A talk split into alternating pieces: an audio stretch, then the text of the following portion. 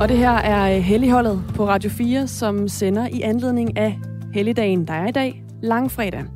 Den lange fredag. Den lange fredag, som vi øh, jo øh, er i gang med at, øh, at kigge lidt efter i sømne øh, i forhold til, hvilke traditioner, der hører sig til påsken, og specifikt, hvad for nogle madtraditioner. Øhm, det kommer vi til at tale om øh, lidt senere. Om en halv times tid, der skal vi tale med en kok, som øh, også giver noget inspiration til, øh, til påskebordet. Fordi der er jo nok en del, der skal øh, bruge øh, weekenden på en eller anden afart af, af påskefrokost. Og det er jo bare endnu et led i vores lille mission her i Helligholdet, netop om vi kan rebrande påsken, så den bliver til det, den er, nemlig den vigtigste kristne højtid. Den står lidt i skyggen af julen, mm. synes jeg. Ja, det giver mig lyst til at læse en sms op, når ja. du siger det sådan.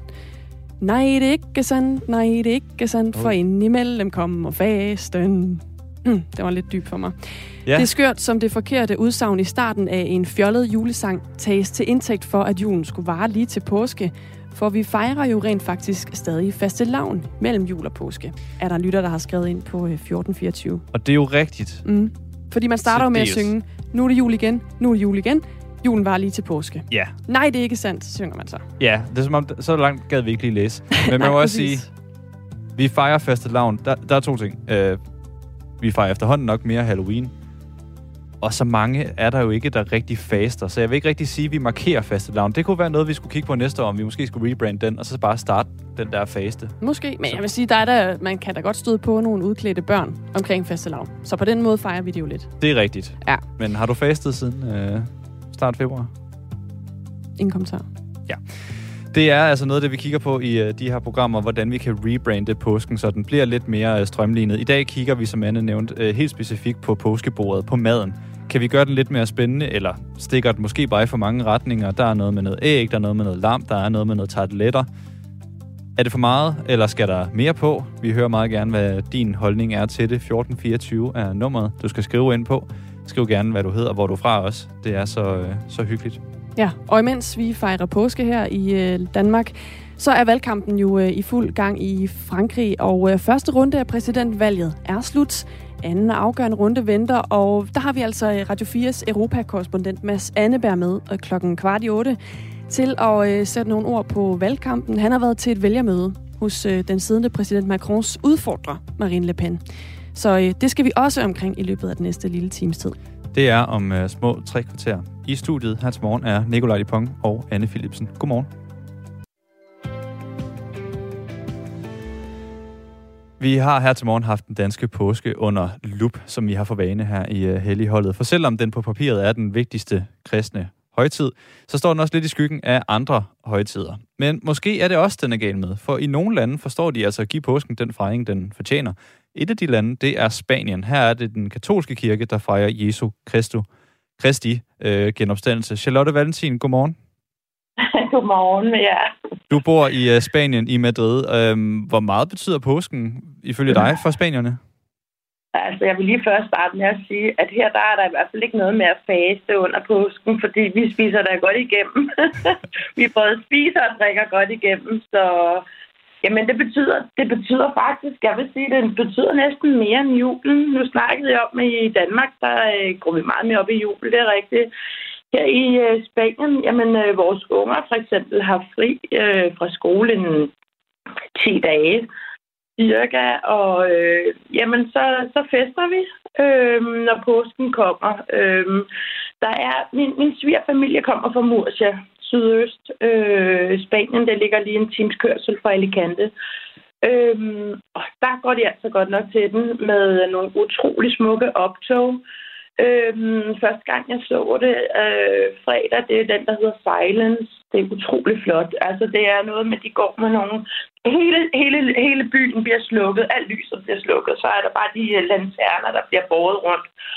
Og så er der bare helt stille. Andet end de sådan synger nogle meget øh, smukke sange. Altså gåsehud totalt. Så er de udsmykket i sådan nogle lilla kutter. Jeg synes jo, altså det lyder, det er meget mær- mærkeligt øh, sammenligning. Første gang jeg tænkte, så det, der tænkte jeg, det ligner Ku Klux Klan, fordi der er sådan nogle høje, spidse øh, hatte. Selvfølgelig, selvfølgelig intet, intet, intet med det at gøre. Men meget, meget smuk. Meget, meget flot. Øh, så er der den næste øh, øh, parade, der har de så rød på. Øh, det må være i dag. Øh, øh, der har de rødt på, og lidt mere festligt på en eller anden måde. Øhm, og det, de gør, det er, at de, bag, de bager simpelthen sådan nogle utrolig tunge øh, øh, statuer af Gud og Maria, som er guldbelagt, og det er pyntet med blomster, og det er så smukt. Og det er simpelthen broderskabet øh, fra den katolske kirke, og det er meget prestigefyldt at få lov til at bære på det der. Det vejer flere ton. Og det der, der, når de skal løfte den der op, det er simpelthen sådan noget, man gør totalt timet, så ikke man kommer til at vælte noget over. Og når de, de går simpelthen igennem hele byen øh, med de der øh, flotte statuer. Og det er et tilløbsstykke. Man kommer fra nær og fjern for at se det der. Øh, så er der igen en, øh, en anden parade om søndagen. Jeg kan ikke lige huske, hvordan den er, men den er, den er jo mere, noget mere glad øh, og, og også meget smuk. Men det, som står mig øh, mest nær, det er simpelthen tir på tirsdag i Murcia, der har man noget, der hedder Bando de la Huerta. Og det er simpelthen noget, hvor vi klæder os ud i hvidt, hvide shorts, øh, hvide øh, skjorter, øh, en speciel hat, man har på. Man har blomster i håret, man har nogle hvide øh, sokker op til over knæet, og så så nogle sko, man binder op af, op af læggene. Og så stjæler man, eller man, nej, man stjæler ikke, man låner sådan en indkøbskurv et eller andet sted. Øh, og så bygger man sådan en tag på den, øh, med noget bast og noget, noget, noget intermistisk, og så hænger man ellers bare pølser og ost og alt muligt der på det der lille tag, og så fylder man ellers indkøbskurven op med brød, vin, øl, you name it. Og så går man simpelthen hele dagen igennem med alle de her øh, mad, og man møder jo folk på gaden, man kender ikke så meget mig, men min mand er jo derfra gået i skole der. Øhm, og så står man lige der og skåler. Hvad har du i din vogn, og hvad har du i din vogn, og du skal lige have et glas vin her. Og den fest, det er simpelthen noget af det bedste. Den er så sjov. Så der kan man altså godt, det kan jeg godt fortælle jer, næste år, der er ikke noget med radio for jer. I bestiller lige en billet til Spanien, og så tager I og oplever den dag, for det er den fedeste dag på året. Det lyder fristende. Jeg noterer mig lige her, Charlotte, det, det taler vi lige videre om bagefter. Øh, jeg bider mærke i, at du nævner det her, især med, med tirsdagen her, med al den her lækre mad, øh, I skal have. Hvor meget, øh, nu er det jo maden, vi også øh, især fokuserer på i helligholdet i dag. Hvor, hvor, hvor stor en af hele det her fest, øh, påskefest i, Sp- i Spanien, er maden? Hej, kæmpe. Altså kæmpe alt. Prøv at høre her. Spanien har altid øh, haft det sådan, uanset hvornår de kan, så skal de da lave noget god mad. Og, øh, og nej, og det er ikke tarteletter. Det er simpelthen øh, fisk og skalddyr. Det er, det er lammekød. Det er god oksekød. Det er rigtig god ost. Det er selvfølgelig hamon. En hver familie øh, har en god, stor øh, hamon stående i sit køkken, man lige tager frem, og så skærer man nogle gode stykker. Altså en skinke, øh. ikke også, Charlotte? En slags skinke. ja, hvis ikke man lige taler spansk. lige præcis. Ja. Så, så maden betyder da rigtig meget. Altså, det gør det jo i, i virkeligheden øh, de fleste lande, jeg har været i. Jeg kender ikke nogen lande, hvor der ikke er, maden ikke er samlingspunkt. Men der, der er rigtig god mad hver eneste dag. Øh, Desværre ikke noget med sillemad og snaps. Det, det, det kunne jeg så godt tænke mig, men øh, den er ikke kommet ind over. Men ja, maden betyder meget, og det er rigtig lækkerier. Øhm, ja. jeg, jeg tror, de, de fleste af jeres lytter har nok på et eller andet tidspunkt været forbi Spanien og ved godt, hvad det går ud på her i, med tapas og, og alt det der. Ikke? Charlotte, du har jo prøvet øh, påsken i, i Danmark, og du har prøvet den i Spanien. Hvis vi skal prøve at lade os inspirere lidt herhjemme af det spanske påskebord, hvad, hvor synes du, vi skal begynde at, at stjæle lidt til det danske påskebord? Jamen, en hel masse øh, gode skalddyr, en hel masse fisk og skalddyr, lavet på alle mulige lækkerier, øh, lækre måder. Noget bulbo, noget, øh, nogle gode rejer, noget øh, clams, hvad hedder clams på dansk? Det hedder... Ja, muslinger, eller østers? Ja, ja, klart, klart, klart. Muslinger, som man så koger i noget hvidvin og med en masse god hvid, hvidløg og persille og den slags. Øhm, altså alle mulige, der er så mange gode skalddyr, og det tror jeg er lidt overset i Danmark. Øhm, når jeg siger fisk, hvad så? Hvad fisk vi går? Jamen, det kan være alt slags, slags fisk. Det eneste, vi ikke får ret meget af, det er lidt sur over, det er laks, men det er jo fordi, det er op fra Norden. øh, det må jeg spise, når jeg kommer hjem. Men øh, fisk og skalddyr rigtig meget. Og så øh, er det pattegris. En pattegris for eksempel, det er også noget, der er rigtig godt. Og så bare lammekøller og alt sådan noget god kød. Men mindre man ikke er til kød, så er der også masser af muligheder, fordi der er jo masser af gode grøntsager. Så det kan jo også være en mozzarella, øh, en god tomatsalat med, med en lækker, frisk mozzarella. Øh, det er også et stort hit. Og så ellers masser af gode salater. Masser af gode salater. Og ellers så har vi jo uh, Nicols-suppen, har vi også lært, at vi kan hive frem igen. Charlotte Valentin, som altså bor i uh, Spanien, i Madrid. Mm-hmm. Nu har vi snakket meget om maden. Der er jo de her fantastiske processioner i, uh, i Spanien også. Hvor, hvor meget af dem synes du, vi skal tage til os i, i Danmark? Altså, er, er den slags mad, vi spiser her? Nej, altså er de her optog, du har været ude og, og opleve også? Ej, men det kan jo slet ikke lade sig gøre. Det er jo noget helt andet. Det er jo en helt anden... Øh, det er jo en helt anden... Øh, altså, her går man jo så meget op i alt. Altså, prøv du lige at få folk til at gå i kirke først. Så kan vi begynde at tale om det bagefter. Det er jo en helt, helt anden tradition. altså, øhm, så, altså, optog, det er selvfølgelig altid, altid smukt. Og det er altid sjovt. For det er altid sjovt, når, der, når man har noget at, at samles om. Ikke? Men øh, det, det tror jeg ikke, man kommer til i Danmark. Der tror jeg simpelthen bare, at man er nødt til at enten øh, tage cyklen, eller tage bilen, eller et eller andet, og så tage en tur ned til Spanien og opleve det, når det foregår her. Hvert land sine ting, ikke? Charlotte Valentin, du har jo prøvet en øh, dansk påske. Du var lige omkring, at det der med sild og snaps, det kan man godt komme til at savne lidt, når man ikke er i Danmark. Så har du også prøvet den spanske. Hvilken er din favorit egentlig? Ej, det vil altid være der, hvor min mor og min familie er. Det er i Danmark. Åh, nu er jeg lige ved at græde. Men øh, ej, helt ærligt, også, så er det nok den spanske. Den er jo lidt mere festlig, og man går rigtig, rigtig, rigtig meget ud af det. Og her går det faktisk ikke ud på bare at hvad skal man sige, bare det lyder ikke så pænt. I Danmark går det, er det nok sådan lidt hurtigt overstået. Vi bliver inviteret til klokken 1, og så skal vi have de der faste retter, og så skal vi drikke, og når klokken den er et eller andet, så skal vi hjem. Sådan er det altså ikke her. Her der faster vi fra morgen til aften, hvis vi har lyst.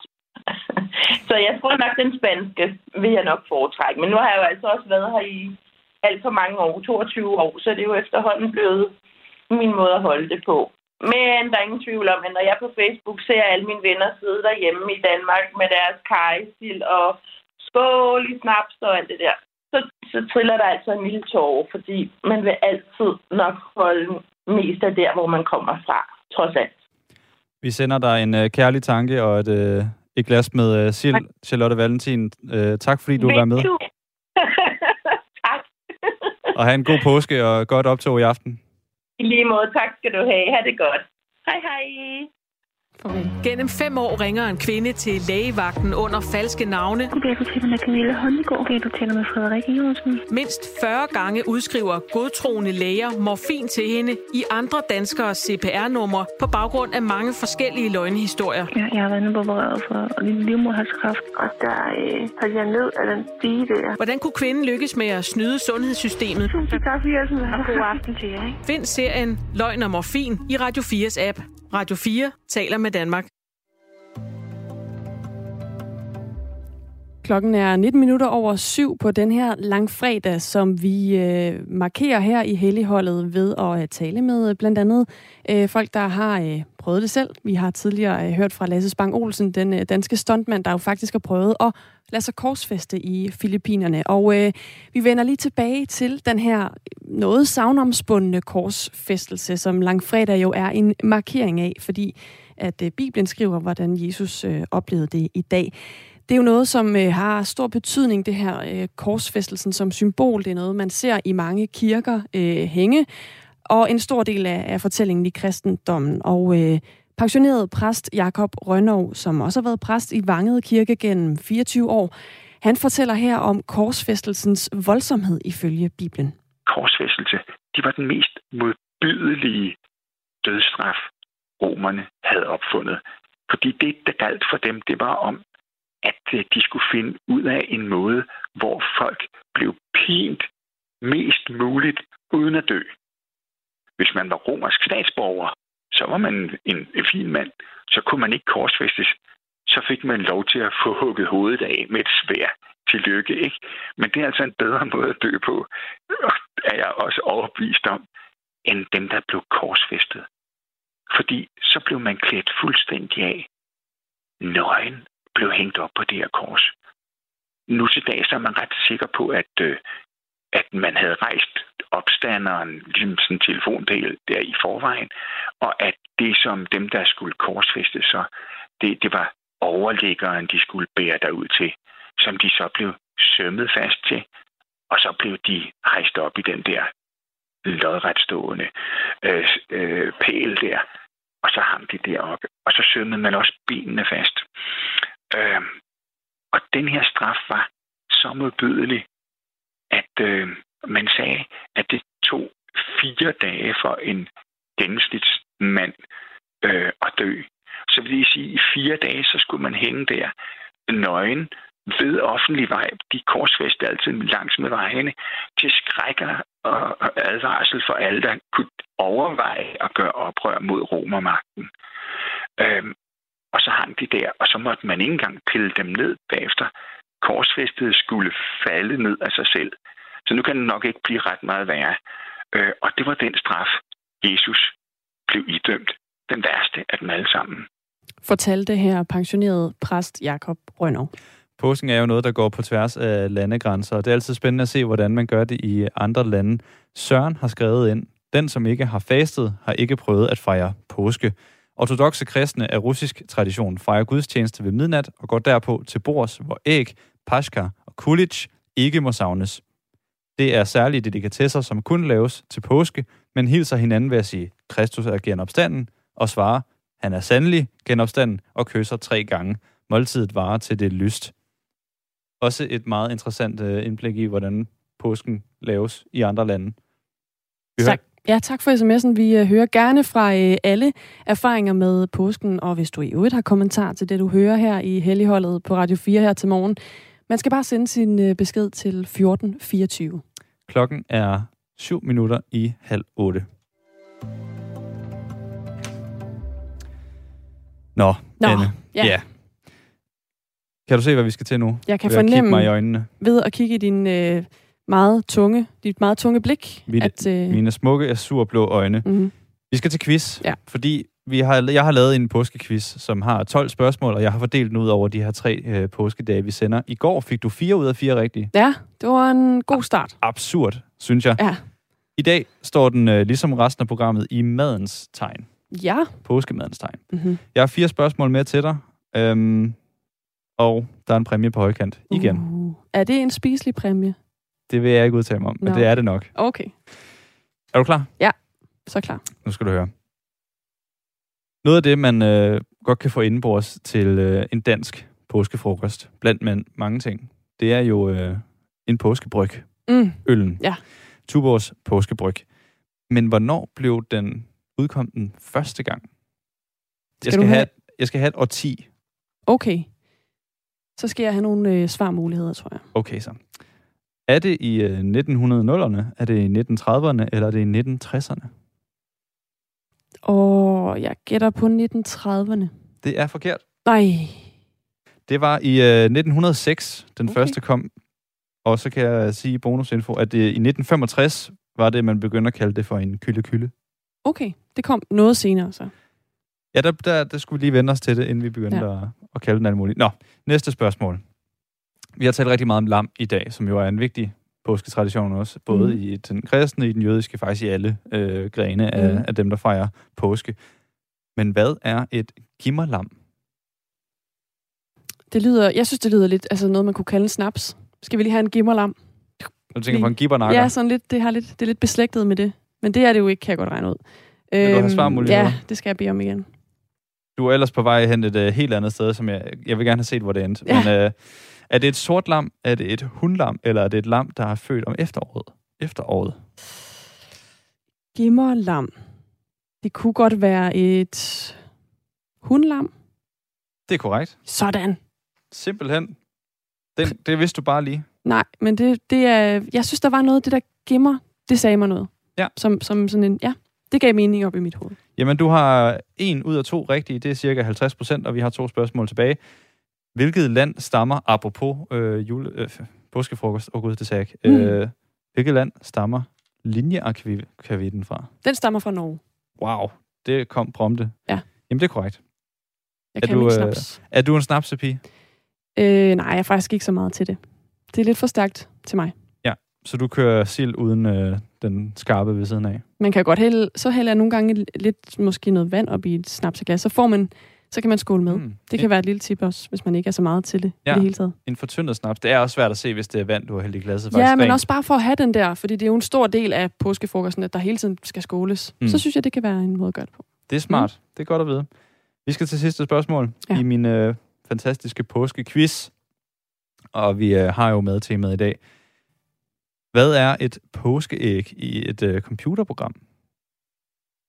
Mm, altså, tra- sådan generelt, så taler man jo om påskeæg. Sådan, ah, der var et lille påskeæg, som sådan en, en lille, øh, hvad kan man sige, en lille, ja, måske en lille overraskelse, eller noget sådan, ej, det vidste jeg ikke, jeg fik. Mm. Så, så det er nok noget af den stil, måske. Hvis, Ja. ja. En skjult meddelelse, kan jeg mærke, okay. At det, du leder efter. Det var lige det, jeg prøvede at sige. Det er korrekt. Okay. Det er jo også det, ja, nu, det er jo også det man ser i film. Altså, det er kun ja, der kan man også tale om det. Ja. Men også i film. ja. Det er simpelthen korrekt. Du har Okay. fået tre ud af fire rigtige. Så er jeg jo spændt på, om det udløser en præmie. Det gør det jo nok. Åh, oh, det var godt. Ja, for jeg gider ikke selv have dem. Nej, det har jo været lidt kendetegnende for, for de præmier, jeg har hørt, du har købt, at du har valgt at købe ting, du ikke selv bryder dig om. Præcis. Og det ved jeg ikke lige, hvad jeg skal sige til. Nå, Nej. vis mig, hvad det er. Men det vidner også om, hvor forskellige vi er. Nu skal du se her, hvad jeg har taget med til dig. Ej, I går fik du jo, øh, hvad hedder det, sådan nogle hasselnød øh, chokolade Påske noget. æg. Ja. Ja. Og vi bliver i det spiselige hjørne. Mm-hmm. Men i dag, Ej, det er påskeskum. påskeskum. kan vi jo i det samme ombæring tale om, hvornår vi er blevet enige om, at en skumfidus ikke længere er en ting, og nu hedder det bare skum. Øhm, ja, Det kan vi også tage på et andet tidspunkt. Men Ja. det har du simpelthen vundet. Værsgo. tak. Det, det, jeg kan jo øh, godt lide skumfiduser. Ja. Hvis vi skal indføre det ord igen. Så øhm, nej, hvor dejligt. Det vil jeg glæde mig til. Og smovse. Ja. Dem kan man jo spise, uden at man næsten kan høre det. De knaser ikke. Men jeg skal nok stadig lade være med at spise ind i mikrofonen. Det lover jeg. det, det vil vi sætte pris på. Men Ja. ja. altså, to quizzer i øh, påsken bestået. Den øh, sidste tager du øh, på mandag. Imponerende niveau, du Tak. ligger for dagen. Husker du at være taknemmelig for, at den quiz, du har fundet, den gik op i tre? Så der ligesom kunne være spørgsmål til alle dage. Ikke nok, Nej. vil jeg sige. Det kan du bruge weekenden på. Ja. Tak for quiz. Jamen selvfølgelig. Op til nyhederne, så får vi lige øh, klaphatten på, tænker jeg. Øh, vi skal ikke være for fine til lige at, at hylde, når der er nogle film, der har bare lidt dansk islet, som faktisk bliver nomineret til nogle filmpriser, Mm. synes jeg. Og det er tilfældet nu, fordi øh, Filmfestivalen i Cannes, som sker her i øh, maj måned, øh, den har en film øh, nomineret med et dansk islet. Det er en film, der hedder Holy Spider. Og øh, instruktøren bag er iraneren Ali Abbasi, som har dansk-svensk baggrund. Og så er det også med det danske produktionsselskab, der hedder Profile Pictures i ryggen. Så det er jo sådan en lille øh, markering af, at, øh, at vi også kan være med der, Sådan. i den filmfestival. Så Danmark. Så Danmark. Øh, fordi det, det kan vi jo godt lide, ikke? når der er nogen at hæppe på. Øh, og faktisk så er der også øh, andre øh, danske kræfter repræsenteret i to andre film, som er med i, i hovedkonkurrencen ved øh, Cannes øh, Filmfestival. Det er en film, der hedder Triangle of Sadness, som øh, en svensk øh, mand står bag, men den er så koproduceret af en dansker, der hedder Per Damgaard Hansen. Mm-hmm. Og så er der også en film, der hedder Boy from Heaven, som er nomineret, og det er øh, den danske filmproducer Signe Bjøve Sørensen, der er co-producer. Så vi har faktisk tre lodder i puljen, øh, når der er øh, filmfestival i Cannes i maj måned.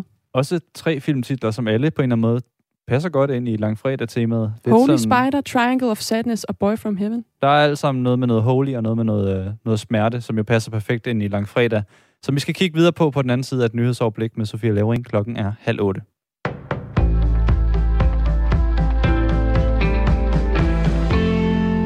Indbyggerne i den belejrede ukrainske by Mariupol bliver sultet ihjel. Det siger direktøren for verdens fødevareprogram David Beasley til nyhedsbyrået AP. Han forudser, at den humanitære krise i Ukraine sandsynligvis vil blive endnu værre efterhånden som Rusland intensiverer sin offensiv i de kommende uger. I Ukraine er kampene flyttet lidt væk fra hovedstaden Kiev og mod den østlige del af landet. Det betyder, at det er svært at nå frem til de sultne ukrainere, forklarer fødevaredirektøren.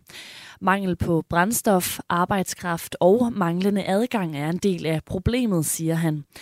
Beasley advarer også om, at den russiske invasion risikerer at destabilisere lande langt væk fra regionen og udløse store flygtningestrømme.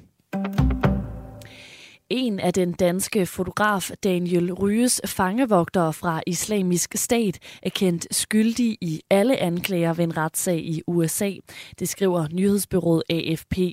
En jury på 12 personer fandt El Shafi El Sheikh skyldig i alle otte anklager mod ham. Det gælder blandt andet gisseltagning med, dø- med døden til følge og sammensværgelse om drab på fire amerikanske statsborgere. Daniel Ryge sad fanget sammen med de amerikanere, der blev slået ihjel i El Sheiks varetægt. Han har vidnet mod ham i retssagen, og Daniel Ryge er lettet over dommen, det siger han til TV2. Det har været en ekstrem lang proces, men også en, øh, en ting, der ja, for næsten otte år siden, der blev løsladt, virkede fuldstændig øh, utænkeligt, at, øh, at vores fangevogter vil blive blive fundet, taget til fange og faktisk gå ende med at, at sidde foran en, øh, øh, ja, foran en, en domstol. Så det, det, det, jeg er lettet, det må jeg sige. Det er endnu uvist, hvornår strafudmålingen i sagen finder sted. Ifølge nyhedsbyrået Reuters har de amerikanske anklager informeret Storbritannien om, at man ikke går efter en dødsstraf. El Shafi El Sheikh var en del af en gruppe britiske statsborgere, som tilsluttede sig islamisk stat, og de blev kaldt The Beatles på grund af deres britiske accent. På verdensplan har det samlede antal bekræftede smittetilfælde med coronavirus nu rundet 500 millioner. Det oplyser WHO. Siden pandemiens begyndelse har knap 3 millioner mennesker i Danmark været konstateret smittet med coronavirus. Og lørdag rundede antallet af indlæggelser med coronavirus i Danmark siden pandemiens start 50.000. Det viser tal fra Statens Serum Institut. Frankrig vil meget snart flytte sin ambassade i Ukraine fra den vestlige by Lviv og tilbage til Ukraines hovedstad Kiev. Det har Frankrigs udenrigsminister oplyst sin ukrainske kollega, det skriver nyhedsbyrået Reuters. Frankrig flyttede sin ambassade til Lviv i starten af marts. I Jerusalem er der meldinger om sammenstød mellem israelsk politi og stenkastende palæstinensiske demonstranter på Tempelbjerget. Det oplyser redningsarbejdere og vidner på stedet. Syv mennesker er bragt til hospitalet med kvæstelser, siger et, medhjælp, siger et medlem af nødhjælpsorganisationen Palæstinensisk Røde Halvmåne.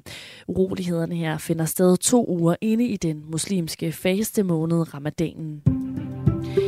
Først skyet i de østlige egne af landet lidt dis eller tog, men ellers så klarer det lidt op i løbet af dagen. Mellem 7 og 11 grader.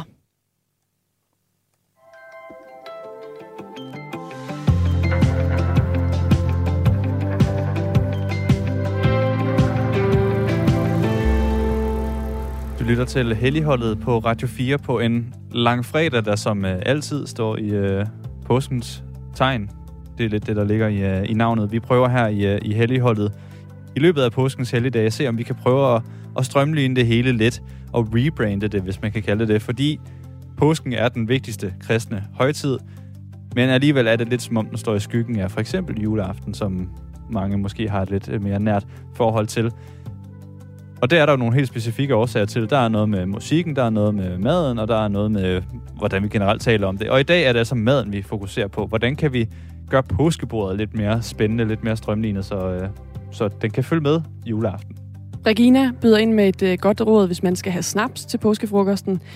Et lille råd angående snaps. Snaps må aldrig være iskold og heller ikke drikkes på én gang, som mange gør. Man spiser og nipper til sin snaps, lader snapsen nydes i munden, og derved kommer smagstofferne frem i munden, og snapsen er ikke mere stærk. Velbekomme og god påske fra Regina. Et øh, tip her medgivet videre, og øh, har man tips eller har man input til programmet her til morgen, så er man øh, meget velkommen til at øh, sende en øh, sms ind. Man skal bare sende den til 1424. Du kan jo godt lide din snaps med vand i, fandt Det- vi ud af lige Det før. kan man sige. Jeg kan i hvert fald bedre lide at putte vand i snapseglasset Ja. end snaps. Men det er jo også et lille fif, kan man sige, hvis man ikke er en, en, en hej til det med snaps. Ja, Det er det nemlig. Øhm, lige om lidt, så skal vi også øh, et smut til Frankrig, fordi vi markerer jo påsken her i, i Danmark i øjeblikket, og godt også i Frankrig, men, men de markerer også i øjeblikket, at det er øh, valgkampstid. Præsidentvalget er øh, i fuld gang. Der er to kandidater tilbage. Emmanuel Macron, som er den siddende præsident, og så er det Marine Le Pen, som er øh, hans udfordrer. Og øh, vi skal høre om øh, sidstnævntes øh, valgkamp lige om lidt, fordi der har vi øh, vores europakorrespondent Mads Anneberg, som har været med til.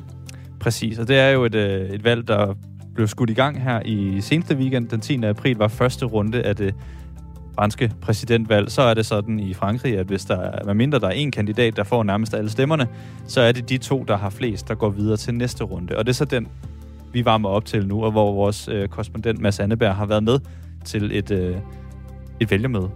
Og så skal vi også øh, i den her øh, næste løbet af den næste halve times tid høre fra vores øh, panel. Vi har samlet pano- panel her i, øh, i øh, Helligholdet, hvor vi har nogle unge, ædru efterskoleelever. Fordi man siger jo altid, sandheden skal høres fra børn og fulde folk. Vi siger, hvad med at høre dem fra dem i midten, de ædru unge. Og øh, de har øh, en holdning til øh, maden, som vi øh, vender tilbage til. Og det er dejligt, hvis du også har en holdning til maden. 1424 er nummeret, hvis du har lyst til at byde ind med noget. I studiet her til morgen er det Anne Philipsen og Nikolaj Dupont. Godmorgen. Imens vi holder påskeferie her i Danmark, så er valgkampen i fuld gang i Frankrig. I første runde af præsidentvalget blev sejrherrene den siddende præsident Emmanuel Macron og hans udfordrer Marine Le Pen. Det er altså en af de to, som franskmændene skal stemme på, når den anden runde af det franske valg finder sted om ni dage. Lige nu cruiser de rundt i Frankrig og fører valgkamp, og udfordreren Marine Le Pen var i går i det sydlige Frankrig.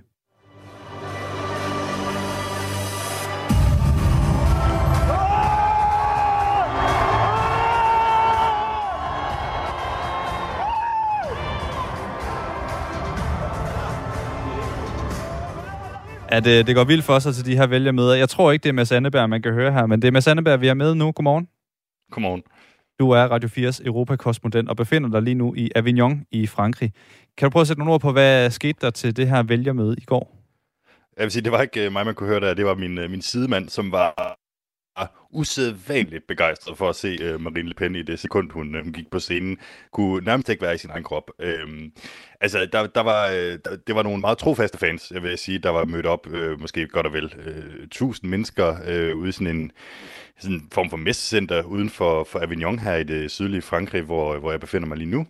Og øhm, altså, det var, det var et brag. Altså, det var simpelthen, øh, det, var, det var noget af en fest, der var blevet varmet op i mere end en time, også med, med sådan, hvad skal man sige, høj musik og, og, og lysshow, og man kunne købe øh, Marine Le Pen champagne øh, i, i souvenirbutikken, og altså, der, der, der manglede ikke noget, og øh, det, jeg synes også, det var en rimelig, det, det var en, en sulten Marine Le Pen, som, øh, som gik på scenen.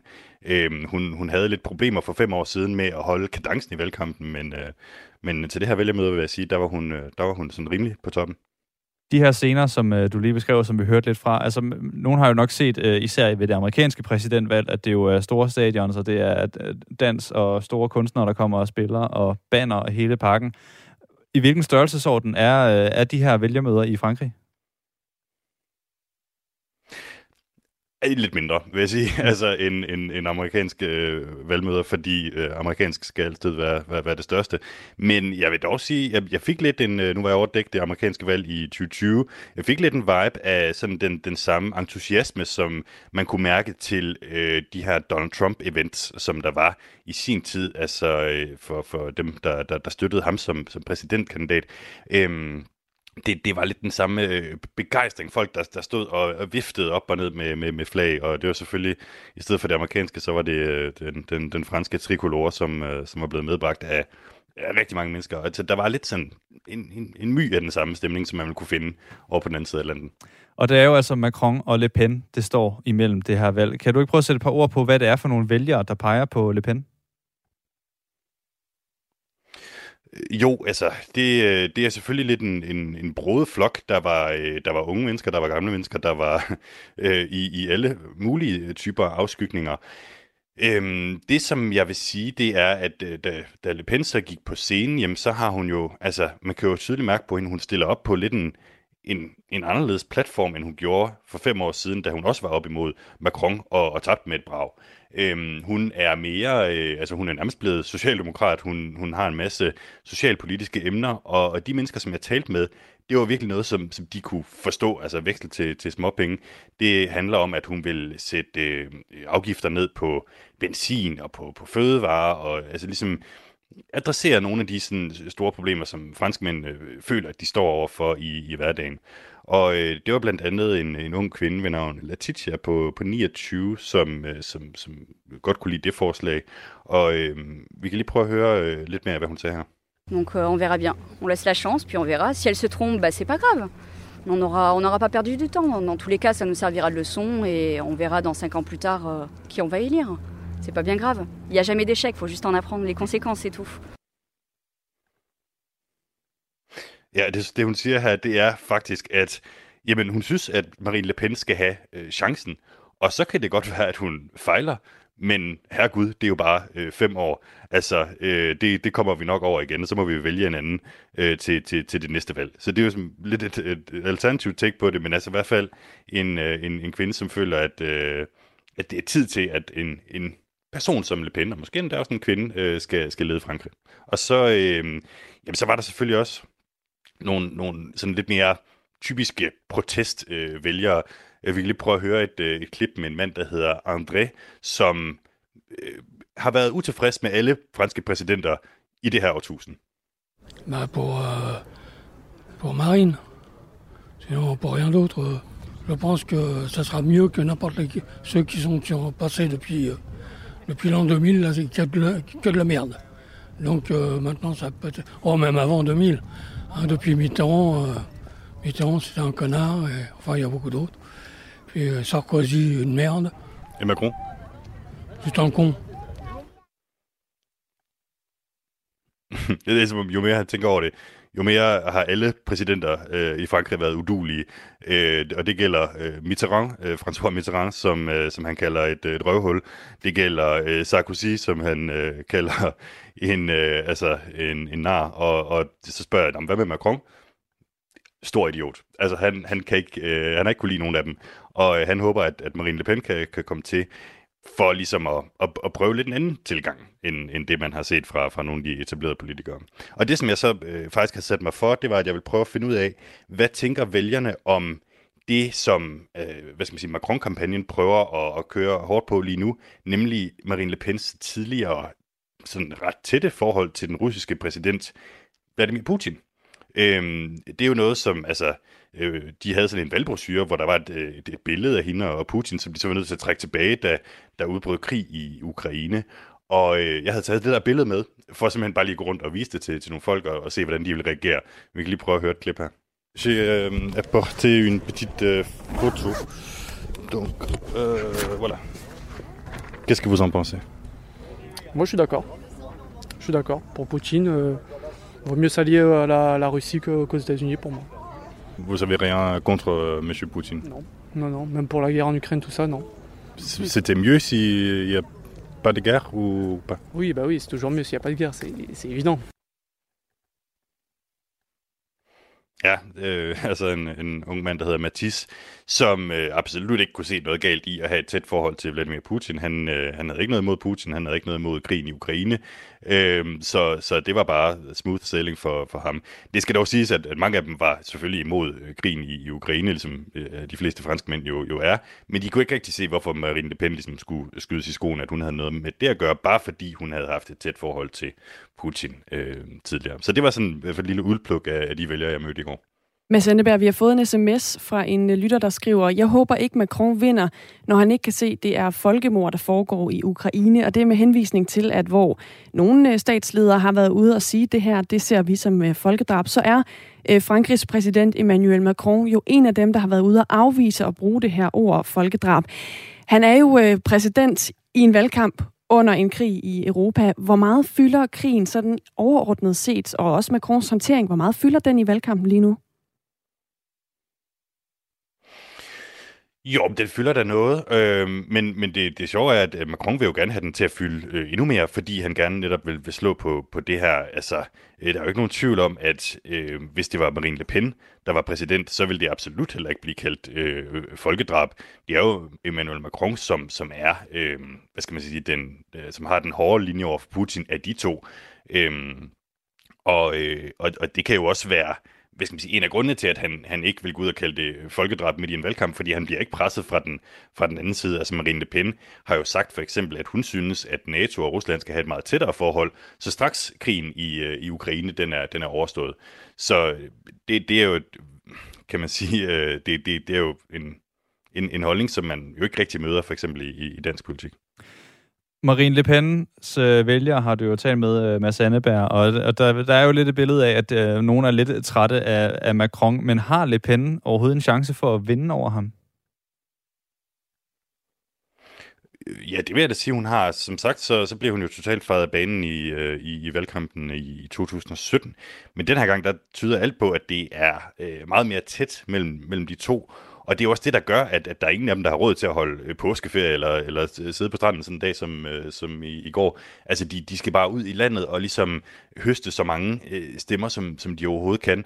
Øhm, hvis man skal tro meningsmålingerne, jamen, så ligger det inden for sådan et, et, et spektrum, de ligger så tæt på hinanden, at, at alt kan i princippet ske, men det skal så siges, at, at Macron er stadigvæk øh, favorit til at, til at vinde valget, og... Øh, ja, der er ni dage til, og det, det bliver spændende at se, hvad der sker i de ni dage. Lyder det altså fra Mads Anneberg, Radio 4's Europas korrespondent, som uh, følger det franske valg, som uh, han også lige fornævnt her til sidst, altså løber af stablen, slutningen af anden runde om ni dage. Klokken er 13 minutter i 8 på uh, langfredag, hvor vi uh, her til morgen sender Helligholdet på Radio 4. Vi ser nærmere på påsken som højtid. Og det gør vi jo altså, øh, som vi også lige talte med Mads Anneberg om, midt i en øh, krig, der, der stadig er øh, i gang i Ukraine. Og øh, imens det sker, så er der jo også øh, nogle ting, der, der lige pludselig blev sat i relief, da krigen brød ud. Det, noget af det, det var fodboldkampe. Øhm, mm-hmm. hvor der faktisk var planlagt, at Ukraines øh, fodboldherrer skulle have spillet nogle øh, playoff-kampe forud for VM, øh, som så blev udskudt, fordi der kom krig, og det var ikke lige der fokuset lå. Nu er der faktisk blevet sat en ny dato på, de her, øh, eller på den her kamp, som øh, Ukraine skal spille mod Skotland. Det bliver spillet den 1. juni i øh, Glasgow, er det nu blevet øh, meldt ud. Altså sådan her øh, VM-playoff-kamp. Ja, og øh, det, der er øh, særligt interessant for andre lande end lige de her to lande, det er, at det er faktisk en kamp, der betyder ret meget for øh, hvem der får de sidste billetter til VM-slutrunden i Katar i november. Fordi øh, når den her kamp mellem Ukraine og Skotland er spillet færdig den 1. juni, så skal vinderen af den kamp møde Wales om en billet til VM den 5. juni. Så det her opgør, der skulle have været afviklet den 24. marts, det har faktisk, øh, ja, det er jo udskudt øh, afgørelsen af, hvem der ender med at komme med. Og det er jo til november, at VM i Katar løber af stablen, så der er lige lidt øh, tid endnu til at finde øh, de sidste medlemslande, ja. deltagelseslande hedder det, ja. til VM. Nu nævner du øh, Ukraine. Ja. Og, og, og jeg tænker bare lige nu, hvor vi også er ved det, så kan vi jo lige igen øh, brush op på, hvad, hvad der ligesom er sket i, øh, i krigen i løbet af, af den seneste tid.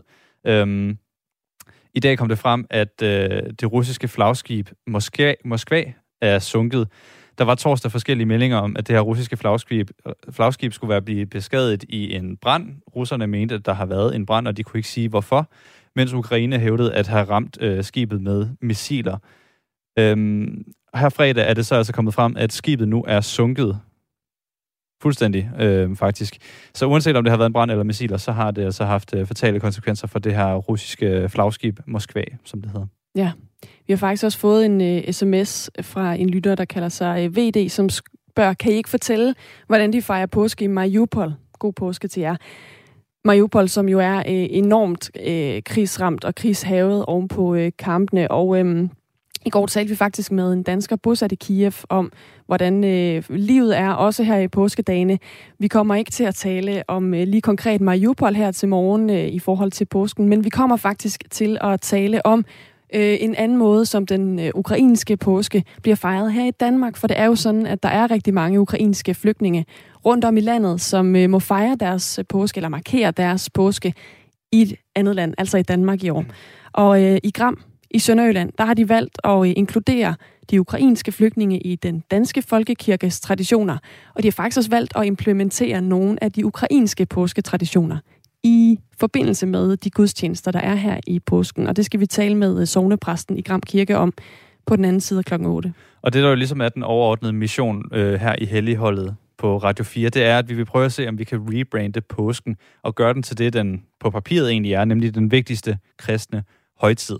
Det er lidt som om, den falder i skyggen af andre store højtider. Ingen nævnt, ingen glemt.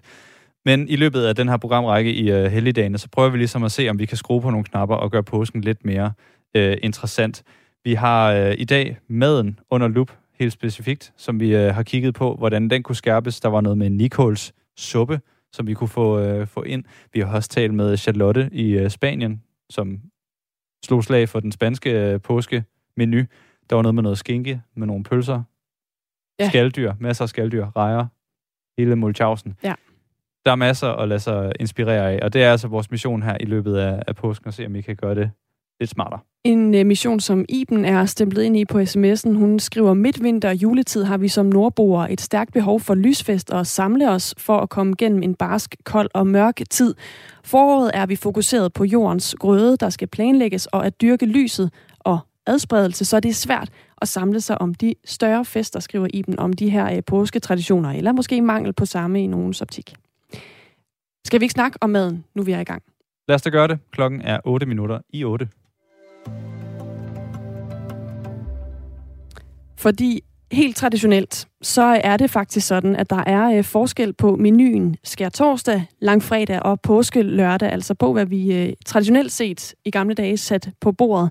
Det fortæller Bettina Bull, der er madhistoriker og museumsinspektør på Det Grønne Museum. Skær torsdag, som jo var i går, jamen øh, der spiste man så nikålsuppe, som var ni slags grønt, og ni slags grønt betød egentlig, at hvis det var tidligt på påsken, jamen så skulle madmor altså være kreativ, fordi så skulle man altså ud og finde øh, ja, alt lige fra græstå til små knopper, hvad man nu kan finde øh, af ni slags grønt. Spis med nikålsuppe, så, så sagde overtroen altså, at man vil øh, komme igennem næste år uden alvorlige sygdomme. Og så i dag, langfredag, som jo så var den sidste del af, af fasten, jamen det var jo sovens dag. Det var årets alvorligste dag. Der spiste man romilsgrød. Og når så ligesom det var overstået, så så man jo så frem til påske lørdag, som jo så er i morgen. Og der hed madmor travlt. Der skulle gøres rent. Der skulle tømmes i alkoverne, altså sengene. Og madmor havde ikke særlig tid til madlavning, så hun serverede skiden æg. Øh, fordi det hedder jo skiden lørdag netop på grund af rengøring. Så det er ikke skidende æg, det er skiden æg, som det hedder. Og det er jo altså den her øh, mælkestuning med sennepsovs, hvor i der er lagt smilende æg. Og især de her skiden æg vidnede altså om forårets komme. Det er jo sådan ligesom øh, en rigtig forårsbebuder, ikke? Fordi Øh, endelig så havde man mælk til rådighed, fordi køerne kælvede på det her tidspunkt, og man havde jo altså også æg til rådighed, og det så man frem til. Endelig kom der nye forsyninger i fadburet. Nu øh, havde man spist alle de her tørrede ingredienser, tørret kød, øh, tørrede ærter og hvad man nu ellers havde til rådighed øh, i et vinterfadbur. Nu kom der friske forsyninger, og det så man frem til. Ja, og så bød påskedagene ellers på noget, som vi også i dag øh, har ret meget fokus på i påsken, nemlig æg. Og så har vi ellers påskedagene, hvor man spiste alt med æg. Altså man havde så mange æg, så æg var faktisk en af de eneste råvarer, man havde sådan i almindelig husholdning. Man sådan kunne både lege øh, og, og, og sådan øh, give gave.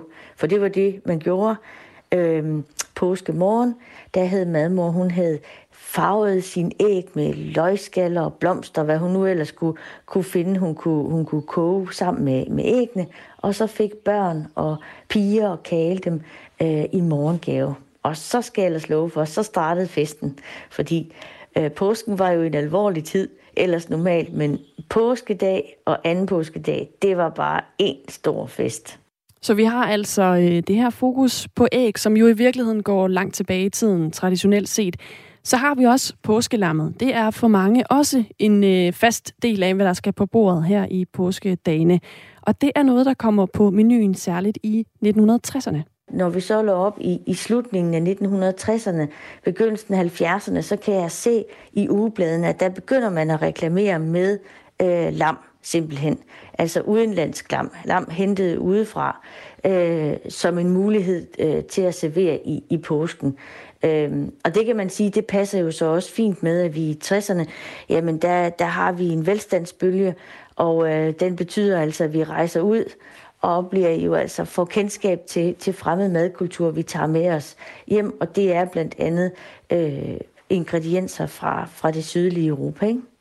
Det er Bettina Bull, madhistoriker og museumsinspektør på det Grønne Museum, som øh, vi hører fortælle her om påskens madtraditioner, og det gør hun, fordi vi jo her til morgen i Helligholdet på Radio 4 har et øh, særligt fokus på påskens mad og øh, både de traditioner, der følger med, og måske også de traditioner, der godt kunne trænge til at blive finpudset en lille smule. Og lad os så øh, lige her til sidst vende os mod påskebordet, som vi kender det i dag. Det med, at vi i det hele taget fejrer påske, øh, som det vi kender i dag, jamen det sker i løbet af, af 40'erne. Altså det sker faktisk under besættelsen, hvor man ligesom øh, har brug for at, at markere de traditioner, vi har i Danmark, og markere dem lidt tydeligere, blandt andet ved at festliggøre dem.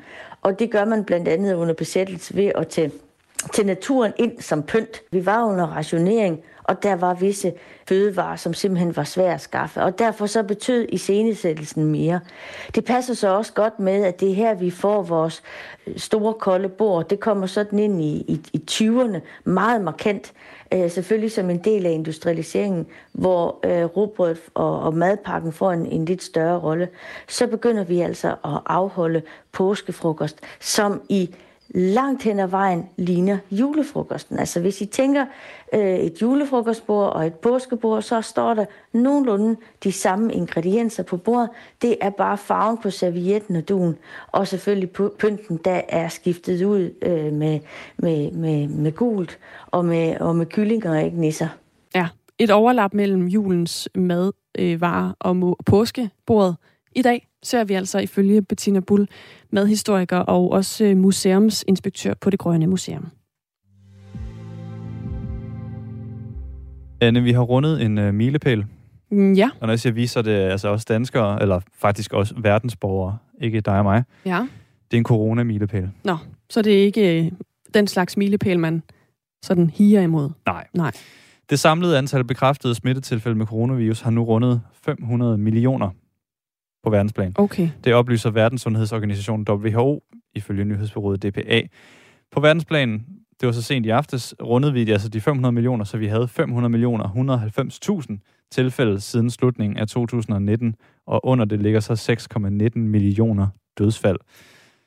Siden pandemien brød ud, er de fleste smittetilfælde blevet registreret i uh, Europa, og derefter i uh, USA. I USA alene er der bekræftet 209 millioner smittetilfælde. Uh, undskyld, det er i Europa, og i USA er det 151 millioner, viser tal fra WHO. Omvendt, hvis man kigger på Afrika, så tegner de sig for kun 2% af det bekræftede antal smittede. Det, ja, kunne det være, fordi man ikke har testet samme omfang? Lige præcis. Ja. Øh, årsagen er nemlig, at øh, der er flere lande i Afrika, der ikke har været lige så glade for at registrere okay. øh, de her tilfælde, og det har også været fremme. Det, der er nogle lande, der har for eksempel slås med Ebola og sådan noget, det, det, det er måske bare lige lidt mere øh, alvorligt end, øh, end corona i de områder. Så det er et, øh, et element i det. Lørdag rundede antallet af corona-indlæggelser i Danmark siden marts 2020 50.000. Og øh, af de 50.000 indlæggelser er der altså flere af dem, der godt kan have været indlagt flere gange. Men altså, 500 millioner på verdensplan har vi øh, nu rundet. Der har haft corona. Lige præcis. Ja. Det er heldigvis, øh, set med danske øjne, forhåbentlig en sygdom, vi kan kigge tilbage på, og ikke længere frem mod. Nu kan vi kigge frem mod et uh, nyhedsoverblik med Sofia Levering. Klokken er 8.